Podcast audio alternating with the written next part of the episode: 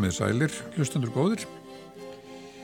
Mál og menning er umræð efnið hjá okkur Gísla Sigursinni þessar vikurnar og gestur okkar í dag er Hermína Gunþórsdóttir, professor á hug- og félagsvísindasviði Háskólans á Akureyri. Vertu velkomin Hermína. Takk fyrir. Já, sérsvið herminu er skóli án aðgreiningar, fjölmenning og skólastarf og félagslegt réttlæti í mentun. Hermina laug B.A.prófi í Íslensku frá Háskóla Íslands 1991 og fjárst eftir hafi íslensku kjænslu hér heima í Hollandi og Þýskalandi og sá meðal hann sem skipula á kjænslu flóttafólks á Dalvík í kringum árþúsundamótin. Og þegar leið á árþúsundið hóf hún doktorsnám við Lundúnaháskóla og setna við mentavísindarsvið Háskóla Íslands þar sem hún varði doktorsritgerðina sína árið 2014 undir titlinum Kennarin í skóla án aðgreiningar þekking, skilningur og hugmyndir kennara um mentun án aðgreiningar.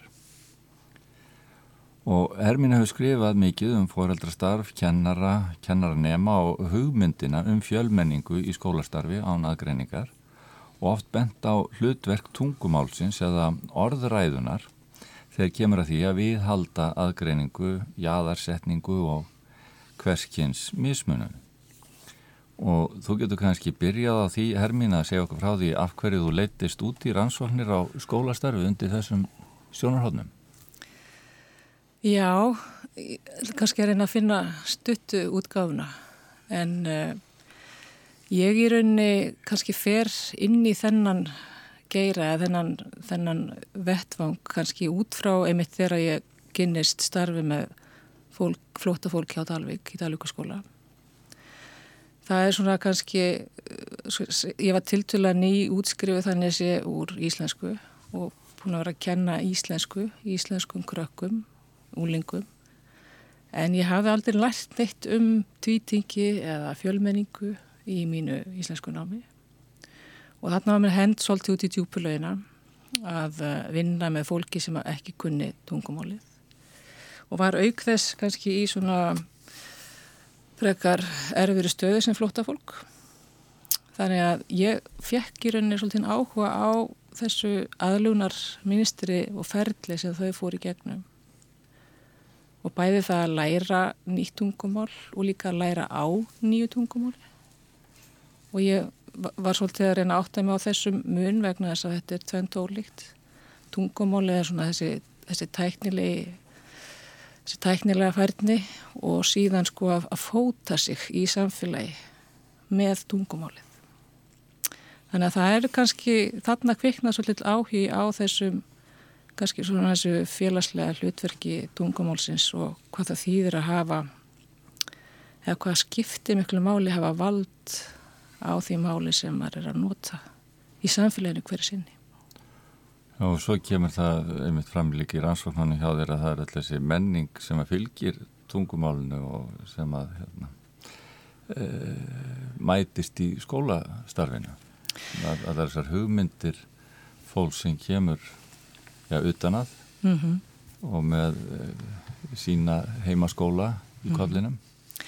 Já og það er Það er einmitt að því að svo flutti ég sjálf til útlanda þarna í kjölfar, uh, kjölfarið þarna upp 2000, 2001 og bjóð með mín fjölskyldi í Hollandi og Þískalandi og í rauninni fer þá uh, hinum með við borðið í sjálf sér. Og það er allt í einu uppgötta maður líka að, að þó ég hef ekki farið langt, ég fór til Hollands og Þískalands að, og við höldum að þetta sé svona svipu, svipu menning. En þetta er, það er, það er margt svo ólíkt og þannig að reks maður ákveðna veggi sem að í rauninni tengjast menningunni og, og svo þegar ég kem heim aftur og þá fer ég að vinna með fólki þar sem verum með mitt að tala við uh, fólk, uh, bæði fólk sem að kemur sem flóta fólk og nefnendur og fóraldrar erlendum uppruna. Og þá kemur ég með þessi, þetta, hvað ég var að segja, svona þessi ólíka sín, hún kemur okkur svolítið á óvart, ólíka sín á það hvernig við upplifum og skiljum skólastarf og í rauninni bara samfélagið út frá, út frá hvaða menningu við komum úr. Og það í rauninni kannski er það sem er eins og í okkur rannsóknum hér á Háskólan Akureyri sem ég hef unnið með Markusi Mekl og Stefani Barile að þá sjáum við það að það skiptir svo miklu máli eða það skiptir máli hvers konar bakland þú hefur og er henni hvort það er yfirhauðu viðukjönd eða ekki og hvernig hún er það fótaði í þessari nýja menningu og þar skiptir tungumáli höfumáli. Já, þetta, þetta er þegar fólki er að koma í það kemur fram í þessum viðtalsframsóknum sem að þið gerir, hvernig þau upplifa upplifa sig með það. Já. En væntingar þeirra líka, við hans þetta aldrei skemmtilega að sjá það, væntingar þeirra líka til skólastarfsins. Já. Að það er eitt er einhvern veginn hvernig þetta er gert hér svo kemur fólk með allt aðra hugmyndum hvernig skóli á að vera og þetta rennur ekki vel saman. Nei og það, það er einmitt svona það sem við sjáum að þegar fólk kemur kannski frá mjög ólíkri menningu þar sem að skólakerfi er uh, kannski segjum við enn í svona föstum skorðum eins og hvernig svona mótinist skólakerfi þar sem að er eitt bekkur, eitt kennari og, og það er keirt áfram á eitt námið eins, námið eins fyrir alla. Og svona, það er svona ákveðin svona framlegslu hugsun í, í hérna skólakerfinu. Og fólk kemur síðan kannski hinga til Íslands og uh, það sem að áherslutnar í skólastarfinu hafa verið að breytast mjög mikið. Og við erum með mentastefnu sem að gengur undir nafninu skólanagringar eða inclusion, mentu fyrir alla. Og þá allt í unni kannski uh, bara fótarði ekki í þessari skólamenningu. Þú sérði ekki alveg hvar þekkingin verður til og hvers konar þekkingu er verið að búa til og það er þetta sem að veldur svona ákveðnum árækstri og, og í rauninni, hvað var að segja, svona vantrösti hjá mörgum foreldrum að erlendum uppruna sem koma kannski frá mjög ólíkri menningu að þau sjá ekki, þau, þau skilji ekki og sjá ekki hvers konar mentun á sér stað og hvað er áhersla líkur. Er frekar verðið vörfið áhyggjur foreldra í þessu tilvíki frekar en, en barnana sjálfra? Já, allavega eins og í þessum rannsóknum sem við höfum verið að vinna að þá uh, hafa foreldrarnir meiri áhyggjur krökkunum verið slíðað mjög vel og þau fóta sig og, og spjara sig mm, ágillega mm. og finnst á mörguleiti uh, íslenska skólastarfið mjög spennandi en fóreldrarnir hafa áhyggjur af því að uh, krakkarnir séu ekki nógu vel undirbúin fá ekki þá þekkingarlegu mentun sem að sem að þau eru kannski verið vönn úr sínu heimalandi. Þannig að það er einhverju leiti líka ekki gaggrinni þau kemur þannig fram að þau séu að gaggrina að þau séu á slaft skólakjörfi hérna, vandi aga og, og einmitt sé ekki kend nóg mikil starfræði og og þau mun ekki vita ná mikið til að komast inn í háskóli í útlandum ef þau er að lölli í þessu hérna, þægilega, þægilega skólaumhverfi sem öllum líður vel. Já, já, það, þetta er luta því sem er kemur fram og þau mörgir, margir sé, mörg þeir að nefna að um, þeim finnst of lítil áhersla á til dæmis raunvísindi, starfræði, náttúruvísindi, ennsku og svona það sem við kvöldum kannski átt svona kjarnafög kjarnanam og til dæmis eins og námskreinar eins og bara tónlist, myndlist, handmynd það sé í rauninni bara hobby sem er í að vera fyrir utan skólan mm. og þar myndast svona ákveðin tókstreita og, að, uh, og veldur svona ákveðinu vantrösti á íslensku skólana En er ekki, þau er líka hlut að þessu að kannski skólanir, kennararnir, þau er ekki þjálfuð til þess að ja, miðla þessari stefnu til foreldra, tala um það og ekki kannski heldur til að nýta einmitt þennan menningarlega fjölbreytileika sem að krakkarnir koma með inn í skólan. Mér síndist það að vera líka hlut að þessu að það skorti einhvern veginn bara já, já, orðræðu hefð fyrir, fyrir þessari miðluna þessu tægi. Já, það er alveg rétt og, og það sem að kannski er ábyrrandi er að það er kannski ákveðin skortur á samtali vegna þess að þeir eru komið frá svona ólík, úr svona ólíkum áttum með ólíkan menningabagrunn ólík uh, bara ólíkar hugmyndir um hvað, um hvað náma að snúast að þá þarf kannski ákveð samtal til þess að brúa bylið vegna þess að verðu er klárlega hann eitthvað byl mm. í því hvernig við hugsum um uh, nám og þekkingu yfir hug, hvað, hvað er þekking og hvað skoða þekkingu á skóluna miðla? Og það vantar held ég hjá okkur meira samtal og við eigum í rauninni svona samtal sem byggir á ákveðu jafnræði og svona fjölmenningarlegum uh, áherslum. Þar sem að uh, við getum í rauninni tala okkur svolítið í gegnu það hvað, hvað er það sem við viljum. Hvað er það sem fóröldra vilja fyrir börni sín? Hvað er það sem börni vilja og hvað er það sem skólinn vil mm. En er nokkur vettvangur fyrir þetta samtal? Þar sé að við e, milli skóla og, og fóröldrana sem eru kannski í rauninni tiltölan íkomni til landsins kunna lítið íslensku og skilja þessa menningu engan veginn hvað á þetta samtala að fara fram? Jú, það er vettvangur. Það, skólinn er náttúrulega bara akkurat vettvangurinn. Og síðan eru við með alls konar batteri þar sem við uh, uh, tökum á móti fólki, mísjöndhætti sveitafíljum, mm. en skólinn er bestu vettvangurinn. Að kalla fóreldrarna inn í skólan? Til, til skrafsar áðagjara? Já, og ég maður það þegar við vorum á þegar ég var að vinna í Dalvíkuskóla og, og ég kendi bæði fullortnu fólki og börnum uh, frá Kosovo mm. að þá völdu við það að kenna foreldrum í grunnskólanum þeir fengu sína íslensku kjænslu í grunnskóla barnana þannig að þau komu, fengu að fara úr vinnu og komu í íslensku kjænsluna inn í grunnskólan og þar einmitt bara hittu þau krakkana sína þessum það í fyrir mínútum. Hittu kennranna þannig að þau fengu svona smá insýn inn í skólastarfi vegna þess að það er eitt af því sem kemur fram í okkar niðurstöðum er að um, margir, og við erum ekki að tala um alla margir þessu fólkdur sem við rættum við uh, áttu svolítið erfitt með að skilja íslenska skóla mm. og hvernig það funkarar, hvernig það virkar En mér síndist líka vera hlut að þess að það væri mitt uh, vantaði svolítið upp á það að væri bara orðfæri og væri hefð fyrir því að gera grein fyrir því hvernig íslenska skólakjörði virkar innan skólakerfisins.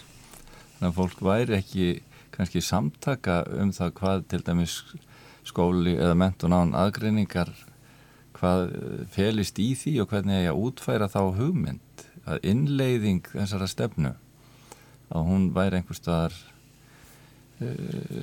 strönduð upp á skeri vegna þess að orðræðan og, og umhugsunin um mentun og skólastarf og nefnduna væri enþá í gömlu uh, já, já, gömlu hugtökunum.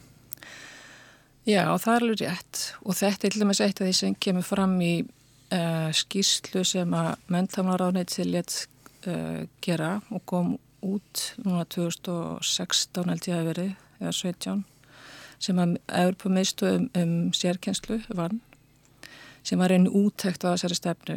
Og það eina nýðustofunum er svo að, eh, að það vanti samtal og samskilning um það hvað þessi mentastefna þýðir. Og við erum held ég og það er eitt af því sem kemur fram í mínur rannsóknum að margir kennarar eru mjög hrættir við að tjá sig um mentastefnuna og um það hvað hún þýðir um að veru vegna þess að uh, við erum að færast mjög hratt frá orðfæri um flokkun og greiningu og yfir í orðfæri um að verða fjölbreytileika nefnda, barna. Og við erum, við erum svolítið hrætt við að, að nota orð sem við höfum auðvitað verið alveg fyrir að nota og höfum kannski lært í okkar námi sem er allt í unnu kannski bara ekki gild, má ekki nota. Og þess vegna er ofsalega erfitt að tala um akkurat þessa hluti það sem að eitthvað sem hún segir getur síðan verið notað gegn þér. En hvernig er sambandi við segjum uh, þann aldurshóp sem eru foreldrar grunnskólabatna í dag? Uh, eiga þau auðvelt með að skilja þessa, þessa orðræðu Ég held að það sé kannski bara ekkit síður við um sko uh, fóreldrar sem að ég eru koma hér frá Íslandi og aldrei upp hér á Íslandi frekar en erlendir fóreldrar að uh, það, er, það hafa orðið mikla breytingar í Íslandsúr skólum. Og ég myndi þessi áherslanum mentum fyrir alla að uh, hún er, uh, hún verið, það hefur verið gaggrind og hún hefur aldrei verið innleitt mentastefnan sem slík. Og, og það er eitt af því sem kemur fram í skýslunni að við höfum ekki sameiginlega skilning og, og að því að við höfum aldrei tekið þetta samtal. Og það var eitt af því sem að uh, mentamlaráðnætið réðist í síðastlið haust. Að það var fundaherferð sem var farin um all land. Mm. og það voru haldinni fundnir í hverju sveitafélagi hverju samfélagi. 24 fundir það með minni það sem að skólasamfélagi kom saman og akkurat rætti þetta og, uh, og ég held að þetta sé í rauninni eitt af því sem að að því að tala um samtalið að þurfa eiga sér stað sem að mun hjálpa okkur til þess að skilja betur í hvaða samhengi við erum að starfa. En hvað er, hvað er mörg ár liðin síðan uh, skólastarfið fór að byggjast á þessari hugmyndum mentum fyrir ánagreiningar? Sko það fyrir eftir í hvað við miðum við. Mm. Það er uh, strax í grunnskólulegunum 74 og þá er þessi áhersla mjög skýr og við miðum gerðna við svo kallaða Salamanca yfirlýsingu frá 94 mm. það sem að í rauninni er eh, rétturinn og í rauninni áherslan áréttuð á að börn og nefendur fái, skuli fá mentum við hæfi og svo framvegis en hjá okkur að þá skilar þetta í, skilar þetta sér ekki fyrir enn 2008 með grunnskólinu á 2008 og að náskólinu þar í kjölfarið svo eins og heitið skólan aðgreiningar. Og það hefur líka verið gaggrind að við veljum að þýða inklusjón sem skóli án aðgreiningar sem félur í sér í runni ákvæmna útlokun og það er þessi vandi sem við erum svo oft í með íslenskuna að uh, orðin sem við notum og veljum. Mótar hugsun mótar hugsun akkurat. Ah. Já og, og það er, en við finnst það einmitt uh, fróðlegt að sjá í þessum rannsóknum hvernig uh, hvernig fólk talar um kennarar, einmitt tala um þessa stefnu og svo er það annar mál einmitt íslenski foreldrar, það er ekkert vist að þau er ekki komin inn í þennan hugsunarhátt og átt að sé ekki á uh, út af hvað hann gengur mm. og það er fundaherrferð í skólunum sem er þá tilrunni rétt átt og þetta er að hluta til kannski sambarlegt það sem Andri Snæri er að skrifa um núna í tengslega við lofslagsmálinu sinni nýju bókum, mm -hmm. tíman og vatnið að það skorti beinlinis umræðihefð um þetta, við getum ekki talað um þennan vanda sem er svona stór og, og nýr og, og við erum kannski einhver leiti að horfa á það sama vandamann bara á öðrum skala í, í þessu að kennar að flokka nefnendur áfram eins og var gert að meðan var raðað í bekki eftir svo kallari getu sem fórst í lestrarraða á sex ára barnum mm -hmm. og það er enþá einhvern veginn þetta viðþóra þessi hægt að búa til voruð ekki með þrjá flokka að nefndum sem að endar með að með svona hálfgerðir út í lókun Já, jú, ég held sko að, að við erum bara að því ég tók þátt í uh, mörgu þessar funda síðislið haust með skólasænfélaginu og þá er mitt uh, rættu við akkur þetta bara hva, hvers konar orð við notum yfir nefnendur og, og flokkunna og við erum alltaf að kljást við það að við erum með eitthvað sem heitir svona normal nefnandi og það er svona arfleið úr mótiniska skólagerðinu það sem er einhvern, einhvern norm og við keirum á normið. Og síðan þurfum við að uh, að því að flestir er norminu sem er einhvers konar og síðan þurfum við einhvern veginn að snýða hýna sem er ekki norminu inn í normalbóksið og til þess notu við greiningar og, og, og alls konar flokkun. Og svo lendum við ógöngum. Núna í þessu postmoderníska skólakerfi þar sem að það eru fleiri kannski sem eru ekki normal heldur en normal. Og við erum eiginlega komin í svona öngstræti vegna þess að í sumum bekkjum eru kannski fleiri nefndur með einhvers konar greiningar og eitthvað sem er í einhverju bóksri heldur en þeir sem hefðu verið skilgröndir normal hér áður fyrr. Og það er þetta sem er svo erfitt að eiga við og, og þegar við erum búin að búa til einhverja stimpla á greiningar og nefndur að þá fyrir við líka meðhandlaða þannig. Að fyrir að meðhandlaða út frá vandanum eða greiningunni en ekki því sem að nefnandin í rauninni getur eða, eða er eða hefur. Og þannig að við lendum í rauninni alltaf í einhverju vítaring og það enda með því að, að sumi nefnendur eru reynilega bara lenda í ákveðinu ruslflokki. Já, þið talið um um að það sé þá sko, þessu skilgrindur út frá því sem þeir hafa ekki frekar en því sem þeir hafa. Já. Og því að allir hafa eitthvað Akkurat. í síns ágætis og sé þá hægt að rækta það. En þessi rustflokkur er raunverulegur í skólakjærinu þau lenda bara út í hodni og e, skólakjæru gefst upp á þeim. Já og þetta er auðvitað til dæmis bara eins og þetta sem við orðið sem við notum núna, ruslflokkur og þetta er ótrúlega bara erfitt að segja svona. En það er ef við, ef við skoðum í rauninni hópana að þá er í rauninni krakkar sem að í rauninni lenda alltaf yngstar á botninum og í rauninni fóta sig ekki. Og það er ofta alveg um stráka sem ekki fóta sig í skólakerfunu og, og þeir lendi í ákveðnum geirum, kýmum samfélagsins. En þetta er svona aflegginga því að, að uh, þessi ofur áhersla á það að hreinlega pota fólki, tróða þeim með einhverjum hætti inn í normalbósið og svo bara gengur það ekki leikur. Og við erum bara svolítið úrraðlaus skakvært þessum hópi sem að við reynum sífælt að, eða hópum að koma inn í bóksið mm. og þegar við tölum þegar við setjum þessa merkjum eða á einstaklinga að þá líka meðhundlu við á sangkvæmt því og þetta er vel þekkt úr föllunafræðunum til dæmis. En, þetta, en ef þú berða þetta saman við, við móderníska módelið mm. þar, þar sem menn voru ekki að reyna að, menn stunduðu mitt aðgreiningu, stunduðu flokkun já, já. var, var niðurstann ekki svipu eða hvað? Það, svo minn kallaði þetta ekki rustflokk en Tölum var að tossa bekki? Já, já, það, það er nefnilega, við höfum mismunandi orði við á hverju tíma og mm. það er það sem er svolítið áverst að skoða og bara mér fróðulegt að skoða í, í sögulegu samhengi hvaða, hvaða orði notum um einstaklinga hverju sinni sem ekki falla í hópin mm. og ég er einnig samfélag þrývast á flokkun og aðgreiningu. Það er bara sama hvað, í hvaða kema við, við förum og skoðum. Þannig að til þess að lifa af bara í samfélagi og og í kerfum að þá þarf flokkun aðgreiningu en það er spurning hvernig við framkvæmum hana og, og, og með hvað hætti við í raunni eh, hvað ég var að segja svona keirum hana grimt áfram mm.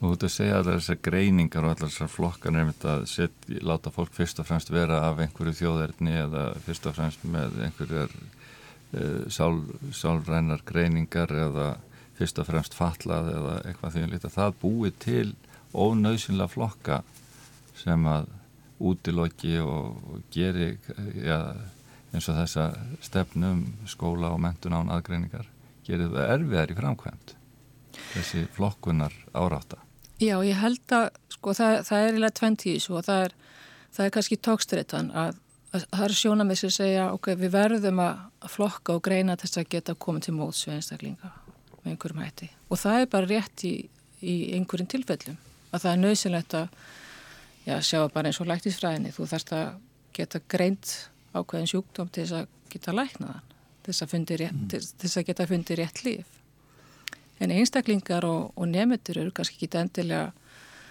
þessi við, við kannski getum ekki alltaf meðhandla þá með þessum klíniska hætti og það er það sem að ég og, og fleiri hafa um til að gaggrina að við erum að meðhandla nefendur allt og mikið út frá klíniskum aðferðum sem vanda sem þarf að lækna og breyta og laga.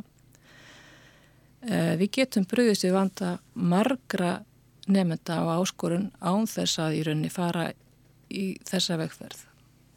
Og ég held að við þurfum einhvern veginn að um, hugsa það svolítið upp á nýtt. Hvernig við breyðust við uh, þau nú akkurat heyrðu ég sagði vanda nefnda mm.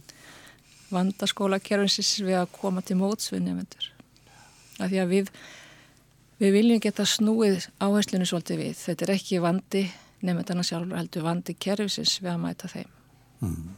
Það er líka spurningi þá eh, flokkun af, af einhverju tægi fyrir hvernig er hún? Er þessi flokkun einhverju leiti líka bara fyrir atvinnulífið, fyrir, fyrir ákveðna verkarskiptingu í, í kapitalísku hagkerfi þar sem uh, atvinnulífið vill fá svona flokkun?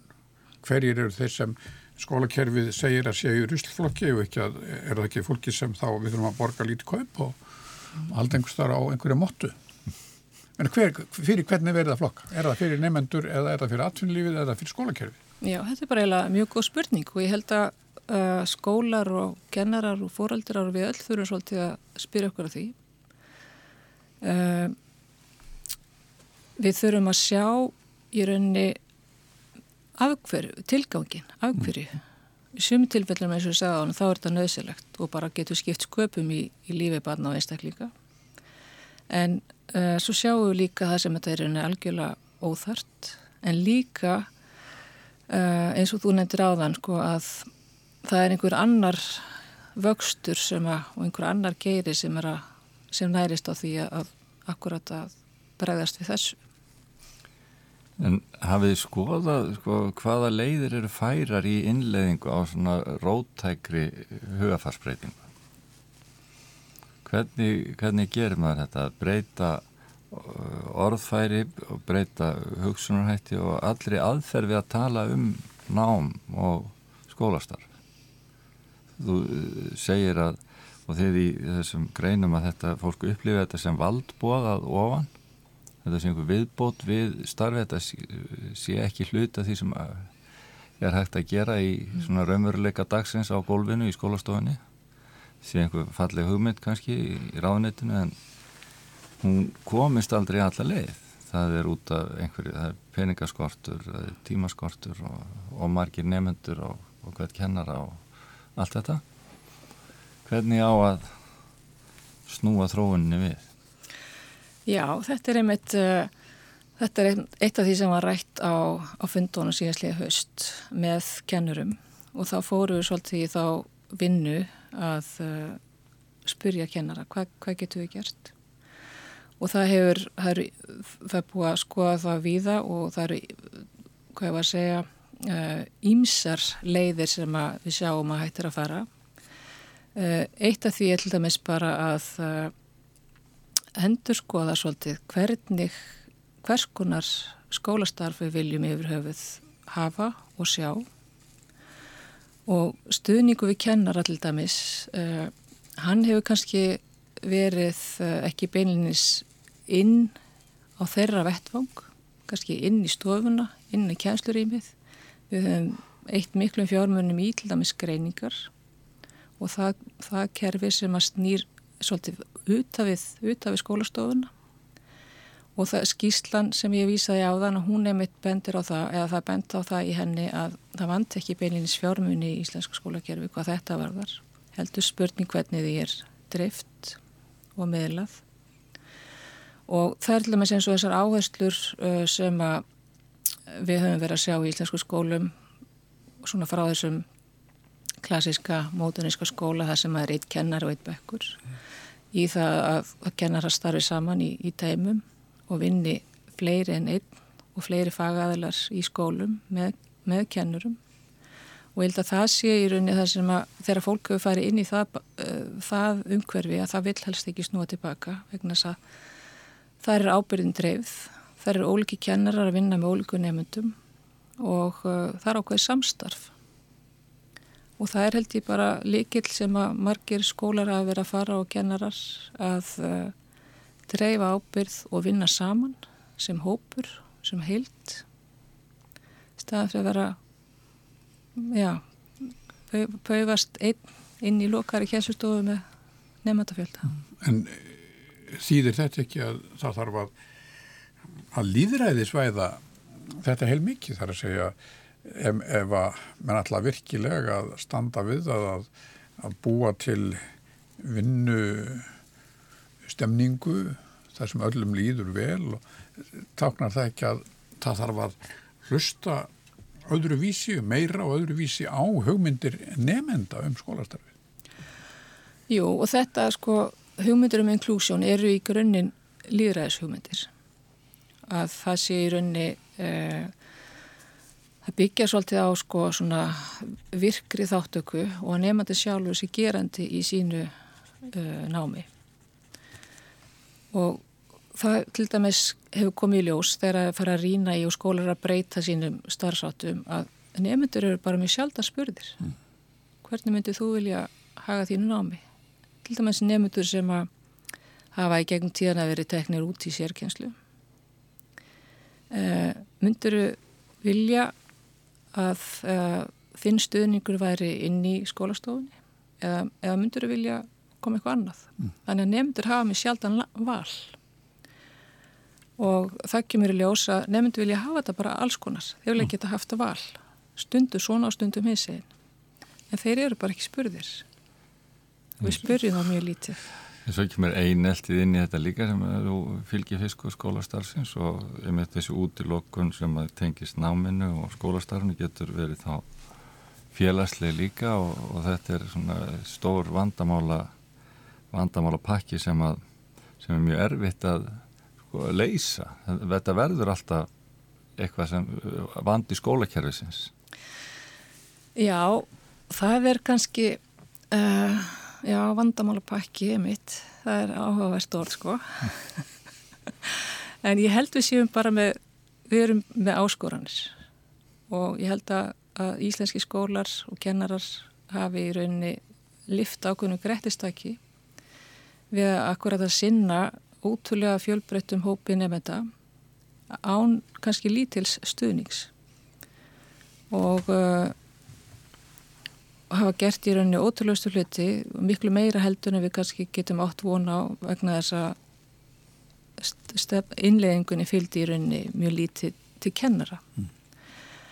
en þú talar um sko uh, verður þetta ekki alltaf vandi og ég uh, Jú, já, það fer eftir í hvernig við lítum á hlutina. Þetta verður alltaf áskorun og, og, og eina af grunn hugmyndunum í, í inklusjón hugmyndinni er að það er ferli. Það, það er engin endapunktur. Og það er held ég, ef við, ef við skiljum þetta þannig að þá, þá kannski þurfum við að losa okkur við svona þessa óþólumæðis hugsun. Þetta þurfum að gera snúna og við þurfum að vera búin að ná einhverju akkurat á morgun. Það er bara mjög stutt síðan í raunni í svona söglu samhengi sem við fórum að virkilega uh, velta þessum hugmyndu fyrir okkur. Og skólagerfi er bara batteri, það er þungtgerfi, það er, uh, það er lengi, við erum lengi að breyta skólum og skó, heilu kerfum. Þannig að ég held að við séum samt og réttir leið. Mm. Við bara viltust að þessa leið eða bara glemdum okkur einhverstað í þókunni En, en þetta líka, sko sem þetta talum með, með líðræðið og, og, og, og gaggríni á, á skólakjörðu, vel þetta líðræðið er mjög seinlegt og þúnt í vöfum og það þykir einræðisherrum oft svona helsti ókostur þess. Þú, það er einmitt það sem þú ert að lýsa, þetta tekur svo langan tíma því að það þarf að taka alla með og öllum þarf að líða vel í kerfinu og það þarf að taka tillit til allra sjónamiða og Minnst, það koma skemmtilega fram í þessum afstöður ansóknum sem að uh, við byrjuðum á það sem að má lesa út gaggríni á skólakerfi það sé ekki að kenna nóg mikið, það sé ekki nóg mikið til ægi og mm. þetta sé allt ómöðulegt og laust í reybónum og, og tónvilsa en á móti kemur að sum í hópi foreldrana uppkvöta einmitt þetta, líðræðis mm. og svona persónlega frelsi og, og svigrum sem að krakkarnir fá og, og skinja það sem eitthvað jákvæð og væntalega kemur þetta þá fram í því að brottfall verður minna og öllum líður betur í, í kerfinu með einhverjum hætti. Og þeim er ekki sparkað út í hérna klærnar og kapitalistunum sem að ævar er að tala um eins og, eins og annars var. Og Og er þetta ekki einhver tókstreita samt sem á eftir að, að leysa að mörg held ég að taki undir kannski þessa gaggríni það sé ekki verið að kenna krökkunum þau hérna, læri ekki jafn mikið og hérna, þau hafa pláss fyrir í heilabúinu og eitthvað svona en kannski er það ekki þessi hérna, þetta yfirskipaða markmið sem að fólk sér fyrir sér að koma nógu miklum gögnum fyrir á heila diskinu.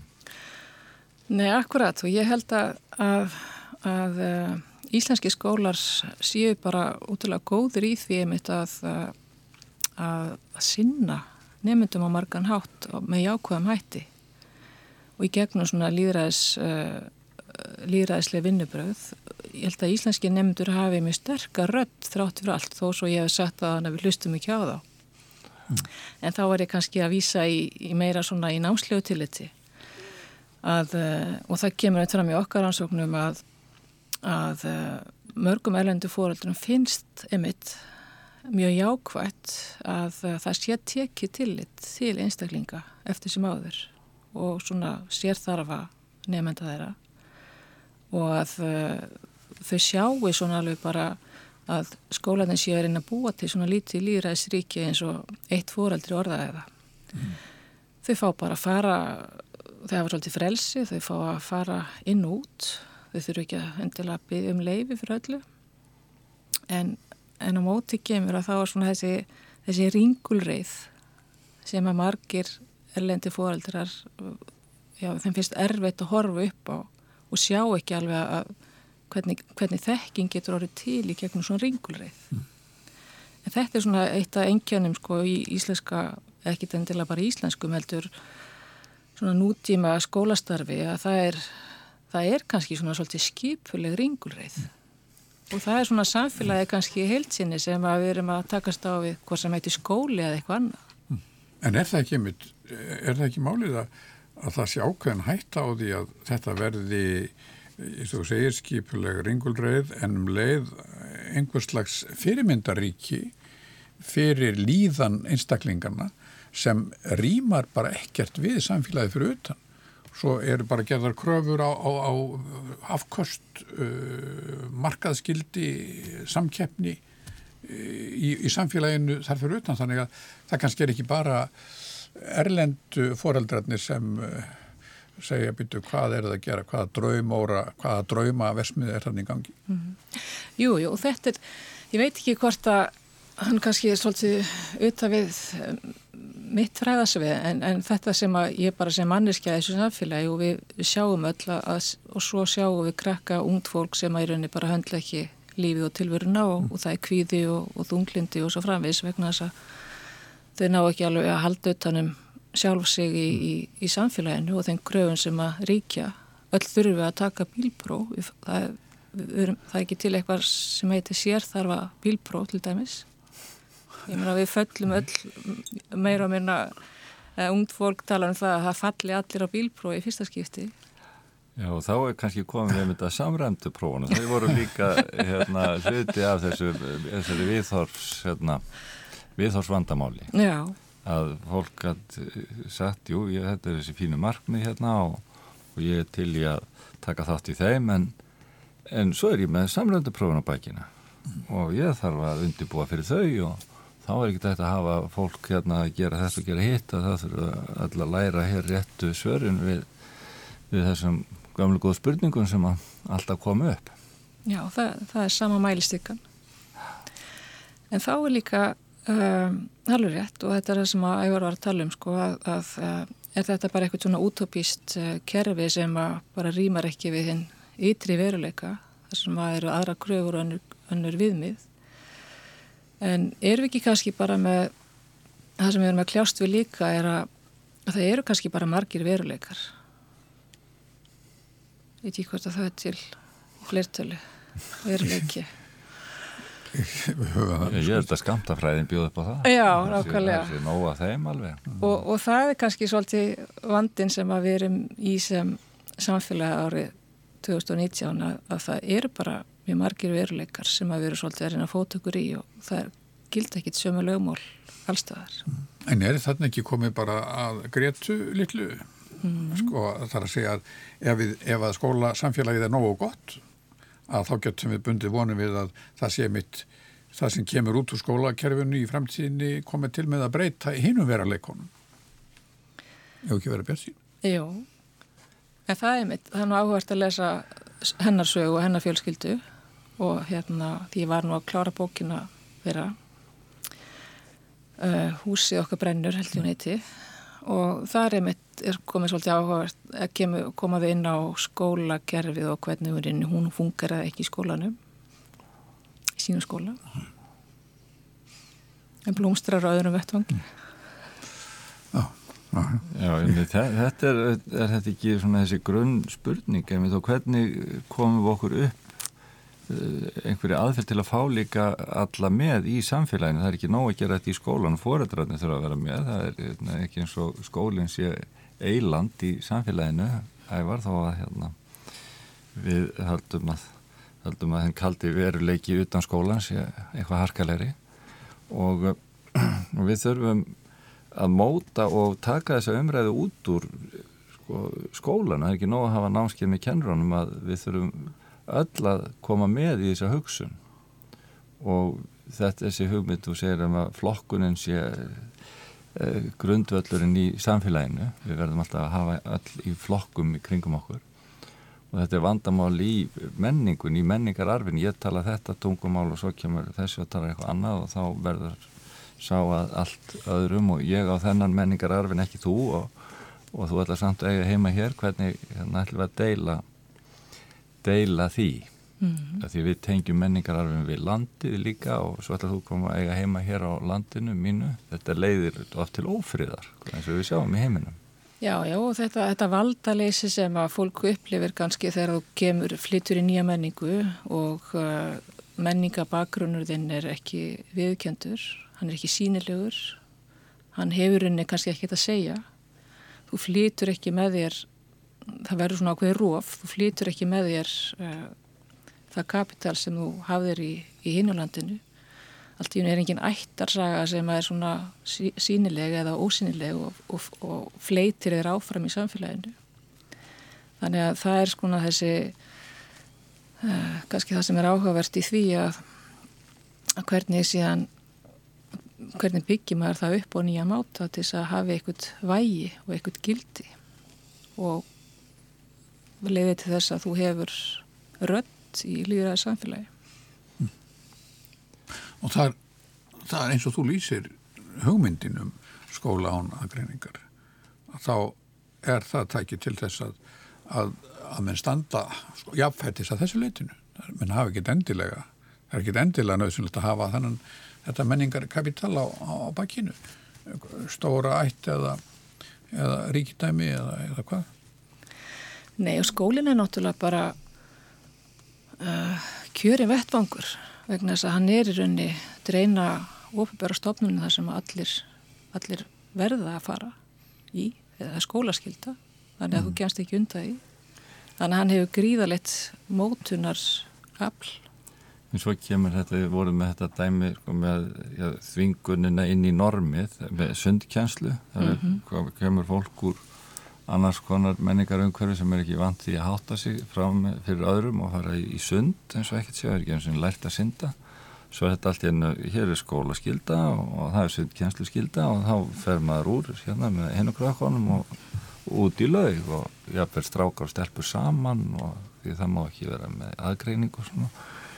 Og þetta getur bara farið algjörlega þessum í, í fólk sem ekki er andlega og menningarlega undirbúið fyrir, fyrir svona mikið skilduna Já og að þau tölum um sundið og, og svona okkar menningu sem að okkur finnst bara sjálfsagt og við, við nánast svona hæðust, hæðumst að útlendingum sem að finnst erfitt að veri þessum aðstæðum og, og hátta sér fyrir framann sama kín, jáfnvel en og margar til dæmis sundlegar og, og hérna íþrótamiðstöðar hafa komið upp uh, klefum þar sem þú getur verið einn og í rauninni aðtapnaði það að ráðan að fer í sund. Og þá er alltaf bara ekki mjög ljósa það er mjög margir í Íslandingar sem hér er fættur og uppaldir sem finnst bara mjög þægilegt að nýta sér þessi aðstöðu. Mm.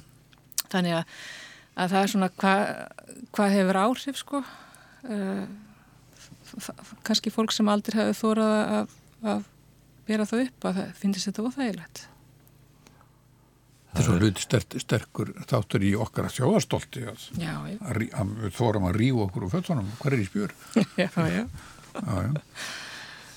Já, þetta er Þetta er, einmitt, þetta er nú hegðun, kannski ekki bara, ekki bara tungumál en já, orðið hluta menningunni að, að við reynum, reynum okkar best og það kemur kannski ekki, eða ég sá það ekki, kannski leiritti það í viðtölun hvernig, hvaða leið fólk sér út úr þessu í, í samtölunni hjá ykkur eða er það ekki hluti af, af rannsóknir hver, hver hérna, þessir hópar, ólíku hópar, hvaða leið vilja þau fara? til, til þess að þá ná hinnu líðræðislega besta samfélagi allra samfélagi sem að skólinn er alltaf að reyna að búa til. Já, þetta er nú alveg rosalega stór spurning. Ég held við hefum ekki svarið inn í greinunum sjálfur sérs en það eru þarna ímsa vísbendingar og, uh, og það er náttúrulega eins og ég sagði á hann, sko samtalið. Að uh, ef við eigum ekki samtal að þá er rauninni komast við aldrei neitt áfram. Og kannski ef, ef að spurningin var um það sko hvernig er þetta sætta ég rauninni ná, ná meira saman að þá held ég að sé líkillin er sko þessi þessi kannski skilningur á því að uh, samfélagi eru alls konars og fólk er alls konars og það er bara mjög eðlilegt að vera alls konars og einhvern veginn að komast frá þessari, þessari hugsun að, að fólk þurfa að vera einhvern veginn tiltekið. Og í þessu normi, þessu bóksi sem að ég var að lýsa á þann sko. og það er kannski þessi vandi fjölmenningarinnar. Og fjölmenningarlega samfélag er fólkin í því að að uh, virða.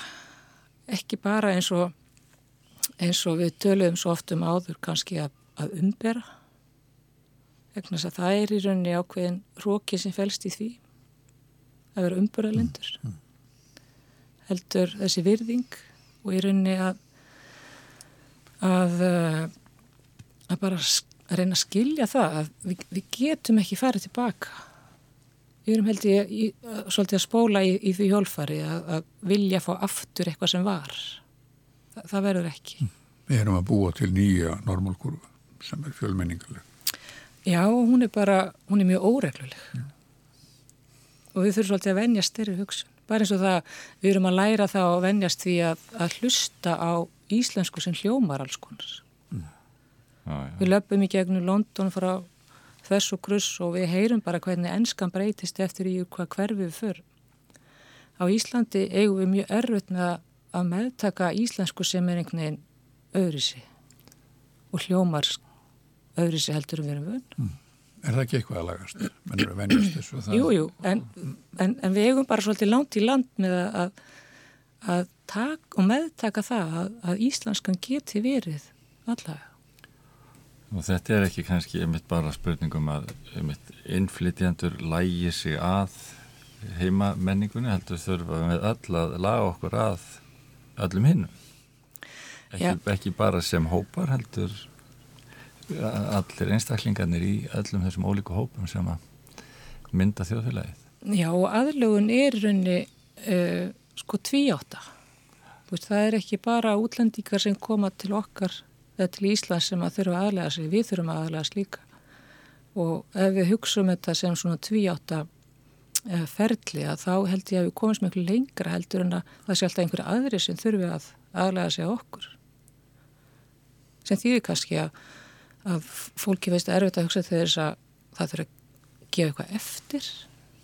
Ég held að þetta snúist ekki um það að gefa eitthvað eftir heldur rauninni bara hvernig við sjáum uh, samfélagi sem kannski svona skapandi ringur eða líka eins og við vorum að tala um aðan Ég held að þetta sé mjög flott nýðuleg skapandi ringulreið Hermína Guðnþórsdóttir professor á Háskólan á Akureyri bestu þakki fyrir þetta spjalla við okkur gísla og hlustendur.